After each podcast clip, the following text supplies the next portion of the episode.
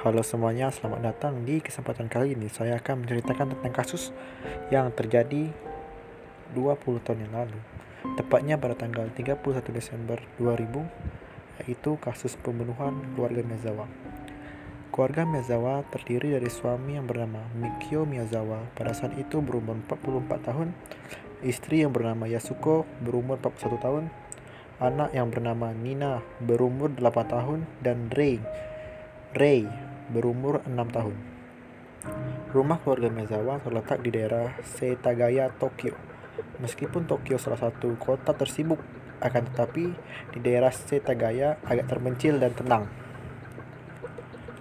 Pada tanggal 31 Desember 2000, Ibu Yasuko memanggil Yasuko dan cucu-cucunya karena tidak ada yang keluar setelah bel rumah dibunyikan. Dia menggunakan kunci cadangan yang dia miliki untuk masuk.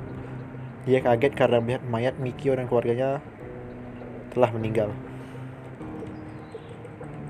Dari bukti forensik yang diperkirakan pada pukul 10 lewat 38 malam pada hari pada hari pembunuhan Mikio Miyazawa membuka email kerja saat menggunakan komputer keluarga. Karena email tersebut menggunakan kata sandi, polisi menyimpulkan bahwa Mikio yang membukanya. Itu diperkirakan waktu terakhir Mikio masih hidup. Pada waktu yang sama, para saksi yang berjalan di taman tepat di belakang rumah Miyazawa mengaku telah mendengar suara rumah Miyazawa. Saksi mata lain mengatakan mereka melihat seorang pria tidak dikenal berlari di belakang rumah Miyazawa.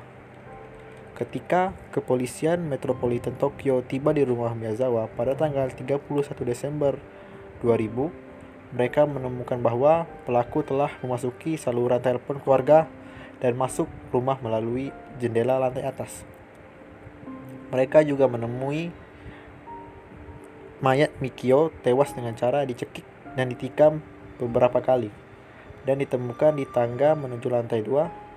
Mayat Yasuko dan Nina men meninggal dikarenakan luka tikaman. Menurut polisi, luka tusukan yang didapat di mayat Yasuko dan Nina lebih liar dan lebih banyak dari luka yang ditemukan di tubuh Mikio. Hal ini menyebabkan kecurigaan bahwa sang pelaku membenci perempuan. Dan Ray ditemukan tewas dicekik karena dia ditemukan di tempat tidurnya. Tidak seperti kasus pembunuhan yang tidak terpecahkan lainnya, si pelaku pembunuhan Setagaya banyak meninggalkan bukti. Polisi menemukan kotoran yang ditinggalkan si pelaku di rumah korban dan kotoran ini mengandung biji wijen dan kacang. Polisi mencurigai bahwa si pelaku adalah orang yang tinggal di rumah ibunya.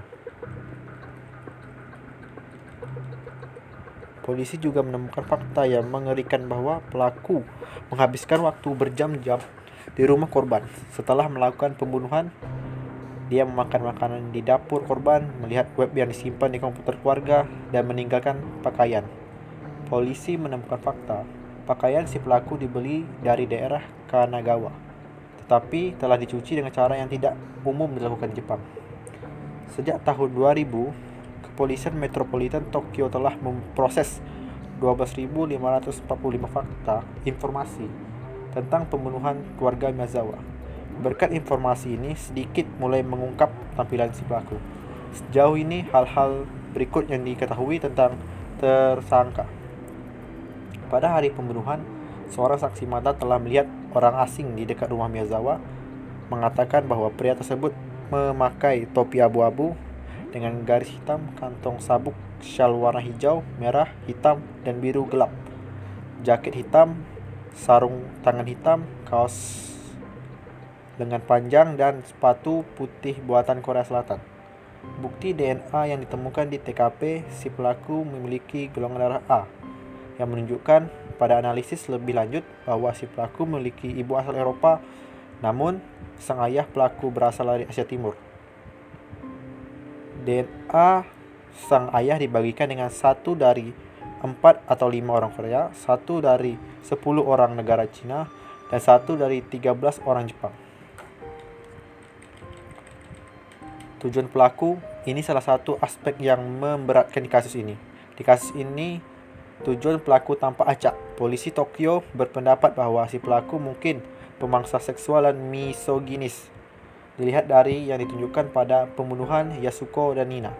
Yang lain berpendapat tujuan si pelaku adalah balas dendam karena pernah karena pernah dipakai oleh Mikio di masa lalu atau karena karena iri dengan keluarga Miyazawa.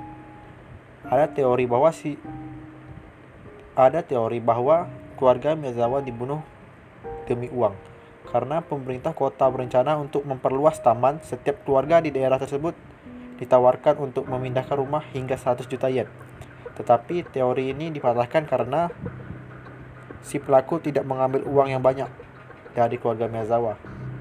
Selain itu, keputusan pelaku untuk tinggal di rumah keluarga Miyazawa selama berjam-jam dan membuang barang pribadi membuktikan bahwa perampokan bukan tujuannya. Sekian yang dapat saya ceritakan. Bila ada salah kata, tolong dimaafkan.